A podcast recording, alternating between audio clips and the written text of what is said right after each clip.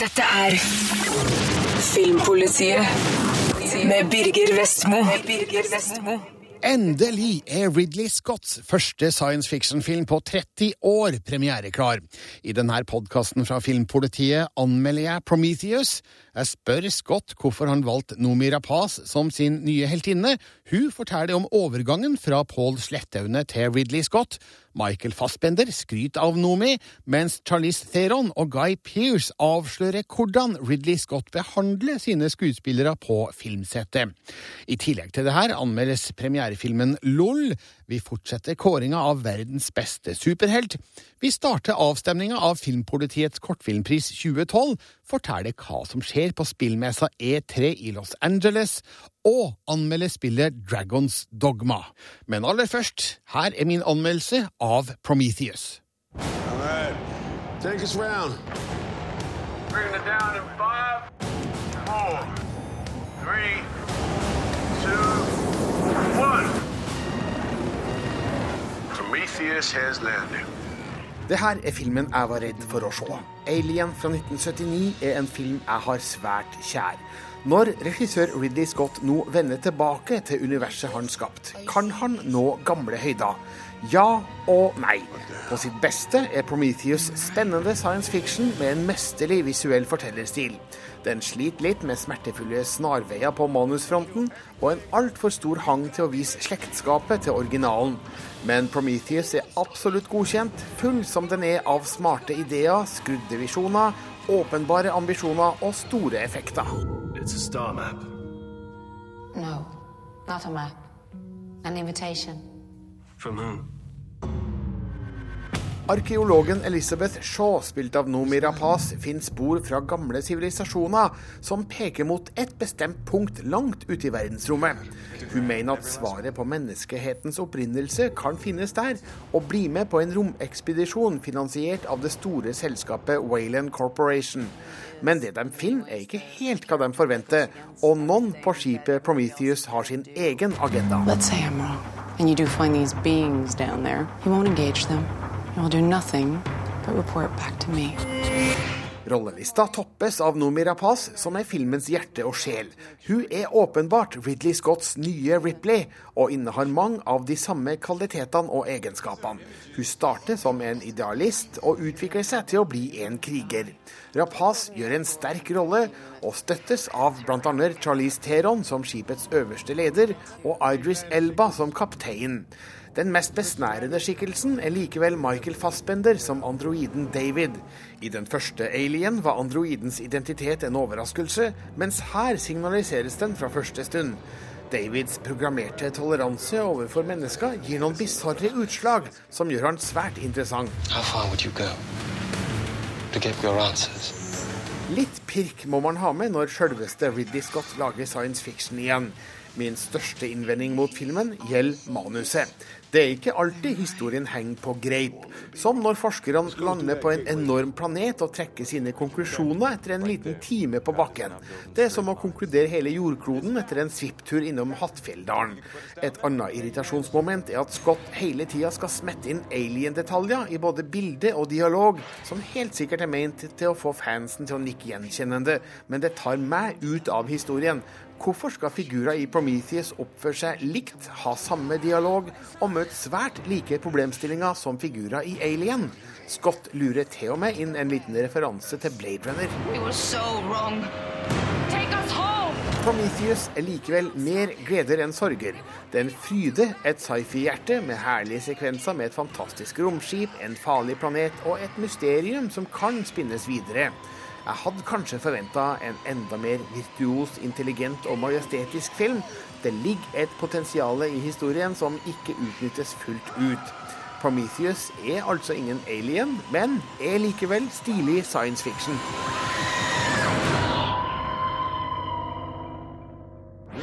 Dette er Filmpolitiet på P3.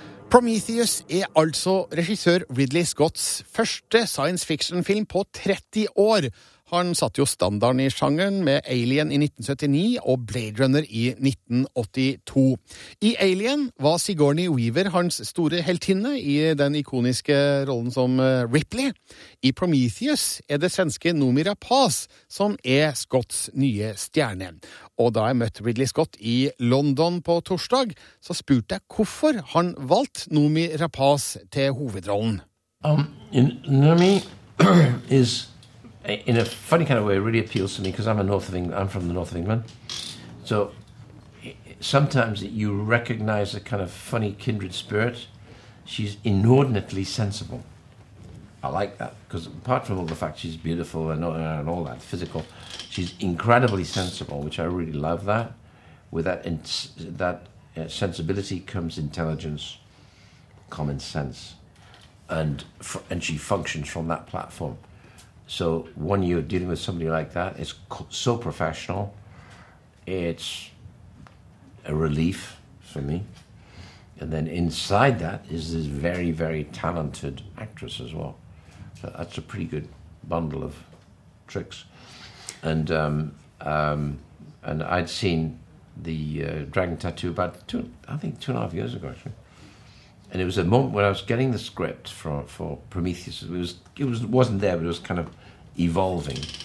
And I was looking at a lot of Scandinavian movies out of interest, and saw Dragon Tattoo, which I thought was an excellent, very very good, well directed movie. And in there was this street punk. And I thought, who the hell is that? And then, cut long story short, I met her. I wanted to see her. Met her, and in walks this rather beautiful young woman. And I think, oh, I'm dealing with a real actress. And you completely. I think he found her on the street somewhere. Now, there are clear parallels be between her in Prometheus and Sigourney Weaver in Alien. Uh, so, is she your new Ripley of some sort? No, she's my new Numi. Um, I think um, the, it's the fact she's a woman playing a part in a science fiction film, which follows through on the original Alien, which had a woman in there as a afterthought, actually, because originally Ripley was going to be a guy, and they all said, "What about a woman?" As if it's the discovery of mankind, and I'm saying, "Why not?" You know. And I met, I found Rippers, um, who was six feet in her stocking feet, and there she was. There's Sigourney Weaver, who would then hold the fort for the next, I don't know, 20 years, right? Well, Sigourney Weaver certainly did fine after Alien. What kind of career do you think Noomi Rapace can face? Uh, she's already moving. I mean, she's such a good actress that she can work almost in any language. Uh, she speaks perfect English. She speaks, of course, you can work in her own t- country. I keep telling her, don't discard theatre. Occasionally do theatre.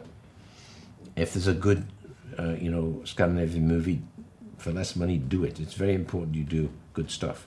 That's the most important thing. Now, um, I met you actually 10 years ago in Stockholm when you had made Black Hawk Down, and Okay. you were already taking questions on the next Alien Mm-hmm. movie, so it's been a long time in the making. Why was it important to you to re- revisit your own universe, so to speak? Did I? It was at a very small hotel room where everyone's smoking and it's very cold outside. There were a lot of cigars in the room. A yes. lot of cigars in the room and it was bloody freezing in- outside, right? Um, was I talking about Alien then? Yes, you were talking about the next Alien. You were wanting to go back to the space jockey. Oh, So- then there it is. It sat there um, festering Yeah. for 10 years. And um, yeah, black, well, well. Uh, for 10 years. And then finally, uh, about two, three years ago, I went to the studio saying, listen, Alien's dead. We can open up a door on a whole new universe. I thought a bit more about it. So we got some R&D, some research and development money to start of John Spates. We started to have conversations about it. It That evolved until then Damien Lindelof came in, then we finished it off, and this is where we are. And you are also planning the next Blade Runner sequel? It's in process right now. Yeah. We've got an idea, more than an idea, a good, a good, a good target.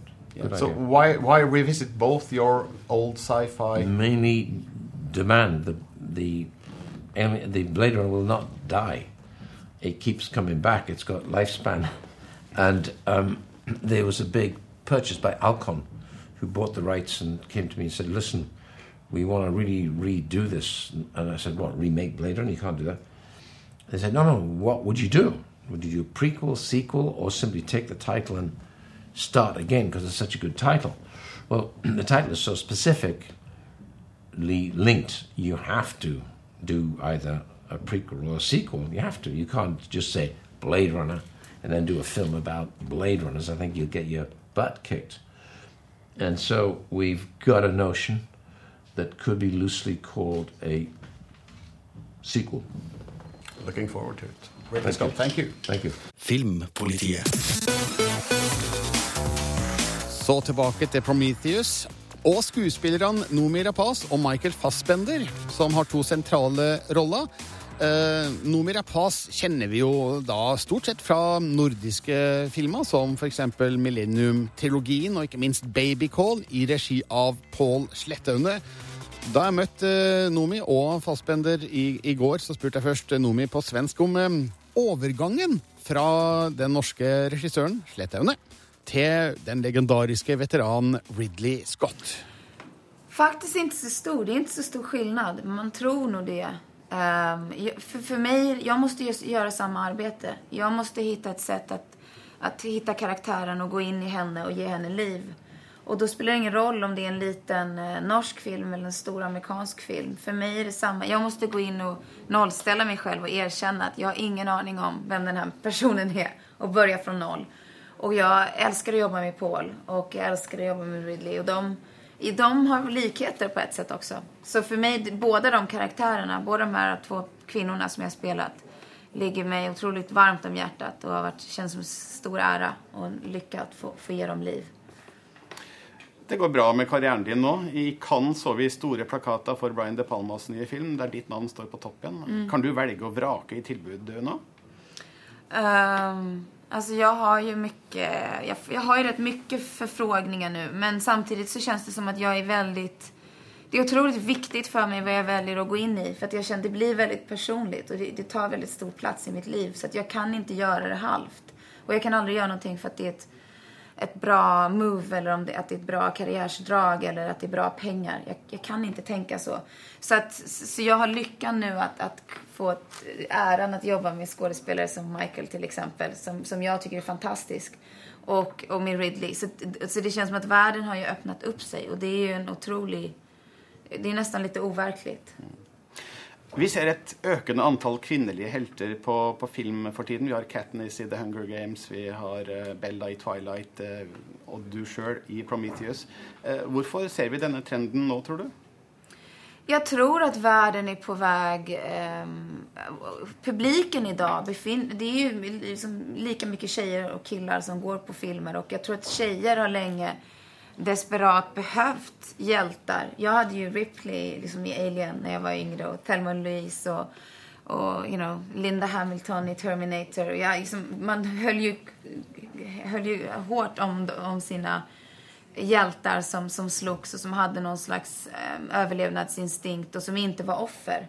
Och jag tror att i ett modernt samhälle så, så måste det blir mer jämlikt. För att det, det, annars, de får inte publik tror jag. Jag tror inte att det kommer funka i all evighet att bara ha manliga superhjältar och små sexiga nippertippor som är liksom bredvid dem och tillfredsställer. Så att jag tror att det är också en, det är en ny tid av, eh, där, där kvinnor och män och flickor och pojkar blir mer och mer jämlika. Hvorfor er det viktig for unge jenter å ha förebilder som inte ikke bare spiller på utseende? Därför att utseendet är inte värt någonting. Alltså det, och, och, det som jag älskar med skådespeleriet, det handlar inte om, om skönhet. Det handlar om, om liv. Att, att försöka hitta livet där inne och ge det verklighet.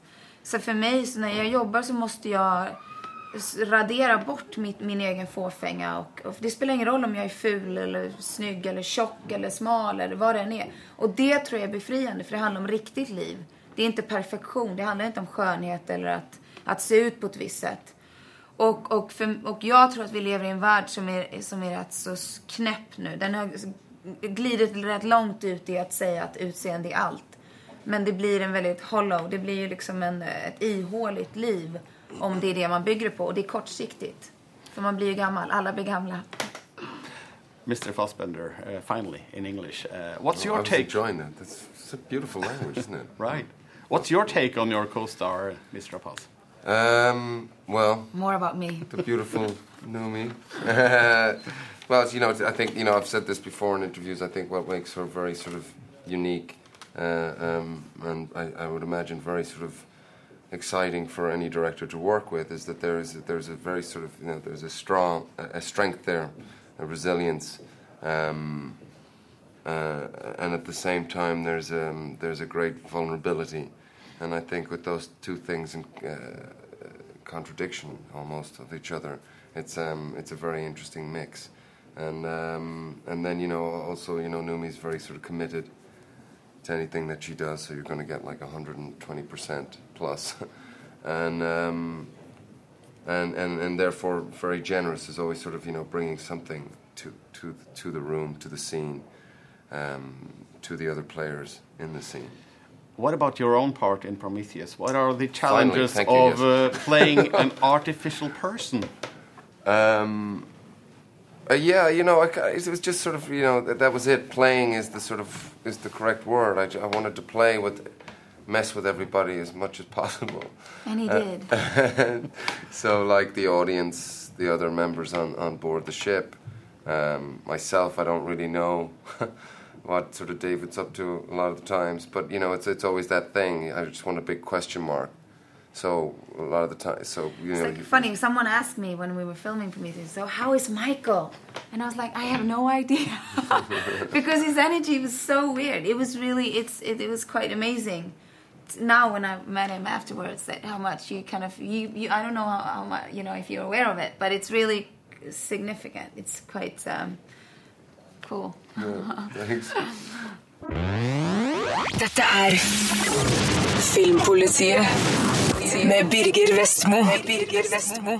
Charlize Theron og Guy Pearce spiller òg sentrale roller i Prometheus. Theron som eh, den øverste lederen på skipet Prometheus, mens Guy Pearce spiller Wayland, sjefen for Wayland Corporation, som da finansierer hele gildet. Men eh, da jeg møtte dem i London, så ville jeg høre mer om deres forhold til regissør Ridley Scott. Han virker jo som en veldig hyggelig fyr i alle intervjuer, men hvordan behandler han sine skuespillere på filmsettet? Uh, you know what? He is. Um, what you see is what you get. He really is. When I watch him on television, that's the Ridley I know. I, I there's nothing pretentious about him. There's nothing put on about him. He's very, very secure within himself. He's uh, an incredibly smart guy who I think is fueled by really big questions and and through his craft wants to go and explore those things. And so all of that comes from such a sincere place that when he's on set with us or with all of his production heads or the crew, he is just aiming for that. That's it. He has a real understanding and respect that there's a collaborative effort when you make a movie, and that's not just to his actors, but to his crew and to his set designers and you know, there wasn't a day where he would like walk onto the set and be like, "Didn't Arthur do a great job?" You know, there's an acknowledgement that he's not doing this alone. He's um, incredibly collaborative and open, incredibly open. My God, I've never met anybody more open. There were days where I was throwing stuff at him where I was like, "Really? You're not going to tell me to shut up?" He's Are like, you "Yeah." just as enthusiastic? Yes, Mr. absolutely. Pierce? Yes, thank you. Um, no, absolutely. He's uh, he's very giving and he's very he's extremely confident in what he's doing. So he has no qualms about about discussing anything with anybody. I, I think you know there's no he's not precious. He's not uh, he's very c- clear, I suppose, about the vision that he's creating and very confident that he'll get it. But he's just very happy to involve everybody. And he's So like a 12 year old. That was Yeah, the only, that was a shocker for me. I wasn't expecting that. I mean, he bounces off the walls every single day. A lot of energy. A lot of energy. He's like a 12 year old with 400 years of experience. But he's known as a very visual director. Uh, lots of effects, lots of carefully constructed shots. Uh, do you have, you know, the room, the space to flesh out your characters? Absolutely, In between that? absolutely. He's very, you know, as we say, he's very collaborative with us, and he, you know, he'll he'll he'll get rid of the crew uh, while we're blocking out a scene, and it creates a very intimate kind of situation in a massive set. Um, and really, there aren't a lot of effects. You know, he builds sets, and so you feel like you're, you know, it's all there right in front of you. And so he's very communicative and just sort of honest about what he's after, and if he's not getting it, he'll he'll work with you to tweak it. So yeah, really, really communicative. I think. Can you remember the first time you saw the original Alien? Yeah, I think I was around 16 or 17. What uh, impression did it make? Well, I think being a young girl around that age, you're kind of rebelliously trying to find yourself in your skin, and to see a movie like that with that kind of a character, I wasn't an actor at the time or even thinking about actor acting, where I didn't know anything about that world. But as a young girl, like a young adult, to see a woman like that, and and and for me, I remember very vividly. I was so impressed that the alien was a girl too. I was like, I was like, oh, that's awesome. Why? Yeah, exactly. Why have these movies and now Prometheus uh, such a lasting appeal on us as an audience? I find it hard to say. I mean, I guess they just, you know, the original one of Ridley's obviously feels uh, extremely real and powerful and effective, you know, and it's just not cheesy. You go back and look at it after all those years, and, it, and it, there's a great sense of integrity to the story and to the humanity in it. And even though this is a is a different story altogether, there is obviously a sort of connection that we all are aware of. Um, but I think it, it, it will have the same sense of because it's Ridley's sensibility, you know. So he brings a certain gravitas to everything he does. So uh, you know, I think it, it hopefully will have the same effect. There's a connection between your characters in Prometheus. Let's not spoil anything, but uh, what's Vickers' motivation in, in this story? I heard a quote years ago, and I feel terrible because I've been using it a lot since we've been talking about this movie. But it so resonates for me with Vickers. Um, a quote said, "the The only difference between all of us are the ones who were loved and the ones who weren't." And in a way, I feel that way about Vickers. I feel like that was her. It's kind of her Achilles heel. This uh, is a character that never ever felt completely loved, who never felt completely accepted, no matter what she did and that kind of involves our relationship on, on a certain level and and I think that's the you know that's the crack in the armor. This is a, a, person who's a little bit too overly worried about controlling things and a little bit too distant and cold and passive aggressive, um, almost so much so that you know something something's wrong. What about Wayland? Before just a name, an ico- iconic name in the Alien movies, now finally a person. What's he doing there? Well, they've been waiting for mm, you know me to say yes to finally agree. uh, I was too young for the original film. Obviously, I was only twelve. We could finally afford you. That's right. Yes. um, well, I'm not. I'm not sure what why the decision was to sort of uh, you know uh, have him appear now, but really he's uh, you know he's there funding this entire mission, and you know we find out through the film that through Numi and uh, and Logan's characters that they've they've been appealing to me to to come on board, uh, you know, appealing to Wayland to come on board to, to fund this idea that they have, and obviously he has agreed. Dette er Filmpolitiet med Birger Vestmo. Med Birger Vestmo. P3. Dette er P3. P3. Den nye Miley Cyrus-filmen dere har premiere i dag. Den heter LOL og anmeldes av Andreas Opsvik. Every year, it's weird going back to school. But here we are, just going with the flow. Trying to love and laugh out loud. Which is nice, because my name is Lola, but everyone calls me Lol. Skoleåret starter dårlig for high school-eleven Lola, populært kalt LOL, da hun blir dumpa av sin heite kjæreste. Men plutselig, ut av det blå, viser det seg at Kyle, hennes beste venn, har et veldig godt øye til henne. Oh, the drama. Og det blir ikke bedre av at mora finner dagboka hennes, og det er akkurat i tide til å potensielt avlyse turen til Paris. Å nei! Og, så chatter folk på Facebook. Masse. No. LOL er en remake av en prisbelønt fransk ungdomsfilm med samme navn fra 2008. Den her har jeg ikke sett, men traileren avslører at vitsen og situasjonene ser ut til å være mye det samme. Det er likevel en merkbar forskjell. Jeg lo flere ganger av den fire år gamle traileren som jeg gjorde av hele 2012-filmen. I was never that bad, was I? Well, sometimes you were. Hele filmen har fått et slør av parfymereklame over seg, med veldig planlagt lyssetting på ansiktstrekk som er så skarpe at en kan skjære ost på det. Det er tydeligvis mer enn språklige bilder som har blitt vekke i omsetninga fra fransk. Den opphavlige LOL kjennes ut som den har gått gjennom en slags fabrikkprosess i den amerikanske filmbransjen. I stedet for å caste de snappy tenåringene med komisk timing som denne filmen åpenbart trenger, har de utelukkende gått for kjempevakre 20-åringer med karisma som en uimpregnert treplanke. Det her selger sikkert filmen hos det som de regner som målgruppa, men det er ikke nok til å selge filmen som film. What first, joints or condoms? It wasn't me. That's not funny, Mom.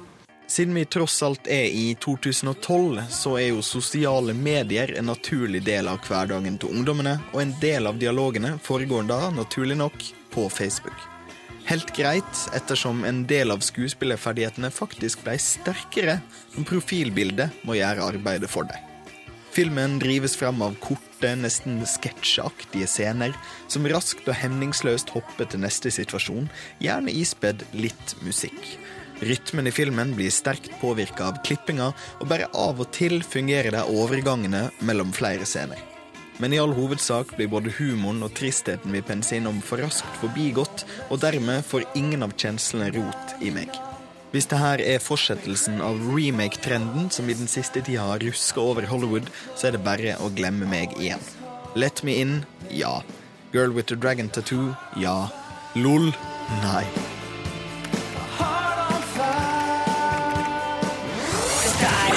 Filmpolitiet på P3. Filmpolitiets kortfilmpris. Ja, hva er nå egentlig Filmpolitiets kortfilmpris? Jo, det er et samarbeid med Kortfilmfestivalen i Grimstad, som foregår fra 13. til 17. juni. En festival som er en viktig møteplass for unge så vel som etablerte filmskapere og filmprodusenter i Norge, som konsentrerer seg om eh, det korte formatet. Og fram til festivalen så skal ti utvalgte finalister kjempe om Filmpolitiets kortfilmpris. Du finner dem på p3.no filmpolitiet.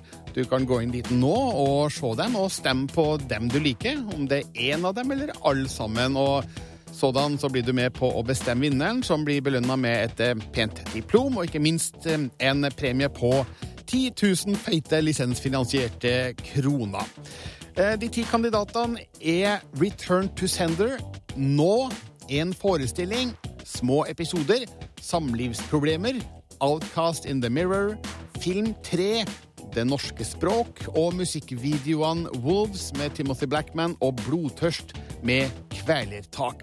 En av disse vil altså vinne Filmpolitiets kortfilmpris, få diplom og 10 000 kroner. Men hvem det blir, det er det altså du som bestemmer på p3.no slash filmpolitiet. Vinneren eh, utropes lørdag 16. juni. Filmpolitiets kortfilmpris. Mandag starter den store spillmessa E3 i Los Angeles, og derfor har jeg fått inn i studio Marte Hedenstad og Rune Haakonsen. Hei! Hallo. Hallo. Ja, for dere har litt mer eh, oversikt over hva som egentlig skjer der. Hva kan vi forvente av spillmessa E3? E3 er jo verdens største spillsirkus, tenker jeg. Altså, her skal alle de store produsentene, spesielt de vestlige, altså amerikanske, europeiske og også til dels japanske, vise seg fram. De skal med brask og bram si 'hei, se på meg, jeg lager det beste, kuleste, nyeste'. Det er store pressekonferanser, og de skal vise fram spill. Um, og en av de tingene som jeg ser mest fram til i år, er Nintendos pressekonferanse, hvor de skal uh, igjen vise fram Wii U, den nye konsollen de avduket for første gang i fjor. Um, det vil bli en veldig viktig pressekonferanse for Nintendo. Uh, de sliter litt økonomisk og selger mye mindre konsoller nå. 3DS-konsollen var ikke den, altså den populære lanseringa de håpet på, så derfor vil dette være en litt sånn Vi kan kalle det en make or break it for uh, Nintendo videre. Wii U må bli en suksess. Er det særskilte spill vi vet skal presenteres på E E3? Ja, det er mange, sikkert hundrevis, men det er i hvert fall ett som jeg gleder meg veldig til å, å, å høre mer om, og det er The Last Guardian. Eh, Fumito Ueda er en skal vi si, virkelig sånn spillåtør som har eh, skal vi si, nesten ertet oss med å si at nå kommer det snart, nå kommer det snart. Eh, men nå håper jeg at endelig på E3 skal vi få endelig vite hva som skjer med hans nye mesterverk, som jeg håper det er. Marte, hvilke forventninger har du til E E3? Vel, altså Jeg gleder meg mest til Sony sin pressekonferanse, for der går det mye rykter om at det er mye spennende som skal skje. Eh, F.eks. om at Sony er i ferd med å kjøpe opp en sånn nettsky-streamingtjeneste, eh, OnLive eller Gakai, eh, og at de da kanskje skal annonsere et samarbeid med dem eh, på sin pressekonferanse. Og det er jo noe som kan revolusjonere spillindustrien og måten vi spiller på. Her snakker vi om på. å streame spill som Spotify rett ned til spillkonsollen din. Rett og slett. Ja. Og det vil jo på en måte forandre fremtiden til eh, spillkonsoller. eh, Hvordan det kommer til å fungere på, hvordan vi kommer til å spille på, hvordan vi kjøper spill, rett og slett.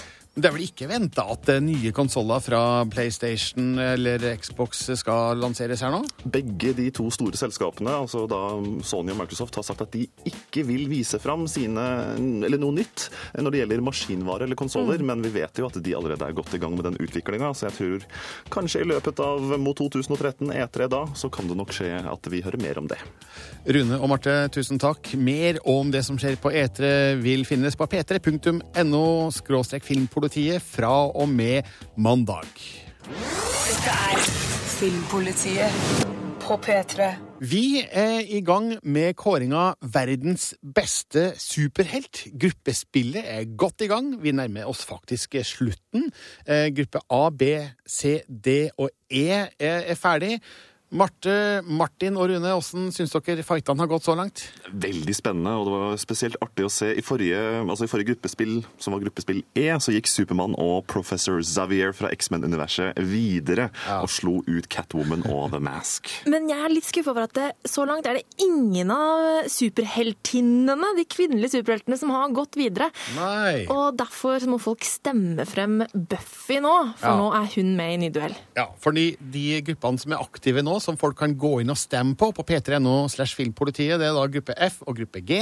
Og i gruppe F, hvem har vi der, Marte? Der har vi Iron Man, eh, Rafael fra Turtles, Blade og Kickass. Og i gruppe G, Martin, hvem er med der? Da har vi Thor, eh, Buffy the Vampire Slayer, Sjefsturtelen Leonardo og Rorschach. Ja, så da er det bare å gå inn og trykk og klikk og bestemme hvem som er kulest og tøffest og best av, av, av disse. Og etter at de to gruppene er ferdige, så har vi bare én gruppe igjen, Rune. Det stemmer, da er det gruppe H, og da nærmer vi oss farlig eh, den tida vi skal starte med duellene. Altså de virkelig topp, eh, de, de viktigste duellene som skal lede fram til semifinale, kvartfinale, og ikke minst da til slutt den store finalen eh, hvor man skal få velge seg den aller beste superhelten. Jeg syns det fremdeles er utrolig gøy å gå inn og, og liksom mene og dømme og bestemme eh, hvem som er kulest og, og, og best. Eh, har vi noen som peker seg ut nå, uten at vi kanskje skal spoile for mye, Martin? Uh, I, uh, I gruppespillet? Altså, er det noen som har fått enda Altså langt flere votes, for å si det sånn? Eh, Det er jo noen som har, eh, som vi ser, som har vunnet alle de tre duellene de har blitt satt opp mot. Mens en del andre som har vunnet litt og spilt litt uavgjort. Tapt. Jeg ser jo her på gruppespillet at eh, Wolverine, Hulken, Spiderman og, og Supermann aldri har fått ni poeng i, i gruppespillet så langt. Ja, og det betyr da at de har rett og slett vunnet over Eller blitt erklært best av de tre andre de har eh, blitt erklært. Så det er jo noen, eh, noen favoritter der, da. Men interessant nok så har Fantomet ikke klart å få det, og han, eh, han, han ligger litt tynt an hvis han skal fortsette på denne måten her videre i, i da finalespillet. Ja, visst gjør han det. Men nå altså, gå inn på p3.no, skråstrek filmpolitiet, og stem på superheltene i gruppe F og G. Og 4. juni så åpnes da den siste gruppa i gruppespillet, gruppe H. Alt det her altså på p3.no, skråstrek filmpolitiet. Marte, Martin og Rune, hjertelig takk. Bare hyggelig. For ei uke siden kom spillet Dragons Dogma ut i butikken, og uka som har gått imellom, har Andreas Opsvik brukt til å teste spillet. Her er hans dom.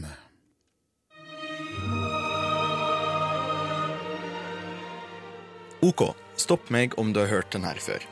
Du er en enkel landlig sjel. Plutselig blir heimstanden din angripen av en stor fare. Du griper til våpen, men blir slått tilbake. Men tross motstanden bestemmer du deg for å holde fram med å kjempe. Nei, det er ikke Star Wars eller Fable eller Breaking Bad for den slags skyld. Det er Dragons Dogma. Etter at en drage angriper kystlandsbyen din og bokstavelig talt river ut hjertet ditt, får du blod på tann. Du vil ha tilbake hjertet ditt og bekjempe dragen i prosessen. Da hjelper det jo at levende uten hjerte er The Arisen, innehavere av mange praktiske egenskaper, f.eks. muligheten for å tilkalle hjelp fra en menneskeaktig rase av dimensjonsreisende. De her eh, følelsesløse figurene, kalt pawns, eksisterer kun for å hjelpe Arisen i deres kamper. I likhet med din egen figur kan òg denne hjelpefiguren redigeres ned til minste detalj. Min heter Hulk og var en 2,5 meter høy koloss med et kjempesverd som passer på min litt pinglete dolkefører. I tillegg til din helt egen pawn, som følger deg gjennom hele spillet, er verden delvis befolka med andre spillere sine pawns, som blir henta over nettet. De her kan du rekruttere til ditt følge, opptil fire stykker. Det er nok mulig å kjempe gjennom hele spillet alene, men vanskelighetsgraden tilsier at du bør få med deg en liten haug for å gjøre det litt enklere. Fordi det her er ikke lett. Tankene mine går til et annet vestlig rollespill laga av et japansk selskap, nemlig Dark Souls. Dragons Dogma er ikke fullt så ubarmhjertig, men det er likevel veldig utfordrende. Verden er litt ukarakteristisk og generell, men spillerne beveger seg litt som om de var i et japansk actionspill. Se for deg kampsportutøvere i en litt kjedelig Skyrim-verden, så begynner du å nærme deg. I tillegg kan spilleren din klatre på større monster, ikke helt ulikt Shadow of the Colossus, som kjemper eller drager og hakker løs på hode eller nakke for å ta raskere knekken på deg. De her kampene, som dukker opp med jevne mellomrom, er spektakulære og noe av det beste med hele spillet. Det kan være litt omstendelig, men det fungerer veldig bra for å skille dette spillet fra en del andre rollespill, der kampsystemet kan virke litt sånn påklistra i etterkant. I Dragons Dogma er det absolutt kampene som er i sentrum. Aberet med dette spillet er universet, som, som rett og slett kan kjennes litt tomt ut. Områder utenfor byene blir i stor grad befolka av respawna flokker med udyr og banditter, og det er lite av reisende-målet-følelsen fra f.eks. Red Dead Redemption. Med rikere omgivelser så kunne dette raskt ha blitt en av mine absolutte favoritter så langt i år. Dette er Filmpolitiet på P3. Mission Impossible Ghost Protocol er nå på Blu-ray og DVD. Nær referansekvalitet på bilde og lyd på Blu-ray i hvert fall, men hva med selve filmen? Her er anmeldelsen min fra kinopremieren. An hour ago, a bomb blew up the Kremlin. Jeg elsker action. Tom Cruise gir meg det. Når han springer nedover veggen på utsida av verdens høyeste skyskraper, Burj Khalifa i Dubai, tenker jeg at fy søren, det her er tøft. Det tenkte jeg mange ganger i løpet av Mission Impossible Ghost Protocol, som til tross for en rimelig absurd historie er fantastisk underholdende, og med en opplagt Tom Cruise som viser at han fremdeles er på A-lista over verdens filmstjerner. Det er ikke ofte fireren er best i en filmserie, men det er tilfellet her. Cruise får alle actionelskere til å glise gli spredt. Kremlin rystes av bomba, og skylda legges på agent Ethan Hunt og agentbyrået han tilhører, IMF. Den amerikanske presidenten iverksetter Ghost Protocol, en operasjon som fornekter hele IMF og setter Hunt i kulda. Sammen med tre andre agenter forsøker han å finne ut hvem som står bak Kremlin-aksjonen, og finne ut at ekstremisten Kurt Henriks, spilt av Michael Nyquist, forsøker å sette i gang atomkrig. Han må stoppes, men nå må teamet jobbe helt på egen hånd, uten noen form for sikkerhetsnett. But if noen av your team is caught, they will be branded terrorists. Regissør Brad Bird sto òg bak Pixar-filmen De utrolige, som parodierte superhelter med kjærlig James Bond-estetikk. Spranget er ikke så veldig stort til Mission Impossible Ghost Protocol. Også her brukes humor som avvæpning mellom ville stunts som ofte går på troverdigheta løs. Den store comic reliefen her er Simon Pegg, som har en mye større rolle nå enn i treeren. Det er et smart valg, for han står som en god kontrast til Tom Cruise sin alvorstynga Ethan Hunt. Paula Patton og Jeremy Renner kompletterer det godt sammensatte teamet. Who are you really, Brant? We all have our secrets. Høydepunktet er nok Tom Cruise på utsida av Burj Khalifa, men her kan du òg glede deg til en smart fengselsrømning, en tøff biljakt i sandstorm og et showdown i et automatisert parkeringshus. Brad Bird har putta inn så mye snadder i denne actionorgien at hele Mission Impossible-serien plutselig ser ut til å kunne leve i flere filmer til. Og Tom Cruise virker uforskamma sprek som actionhelt. You're not gonna make it! You're not helping. Dette er Filmpolitiet på P3. Du hører nå en podkast fra NRK P3. Hent flere podkaster fra NRK på nettsiden nrk.no podkast. NRK P3.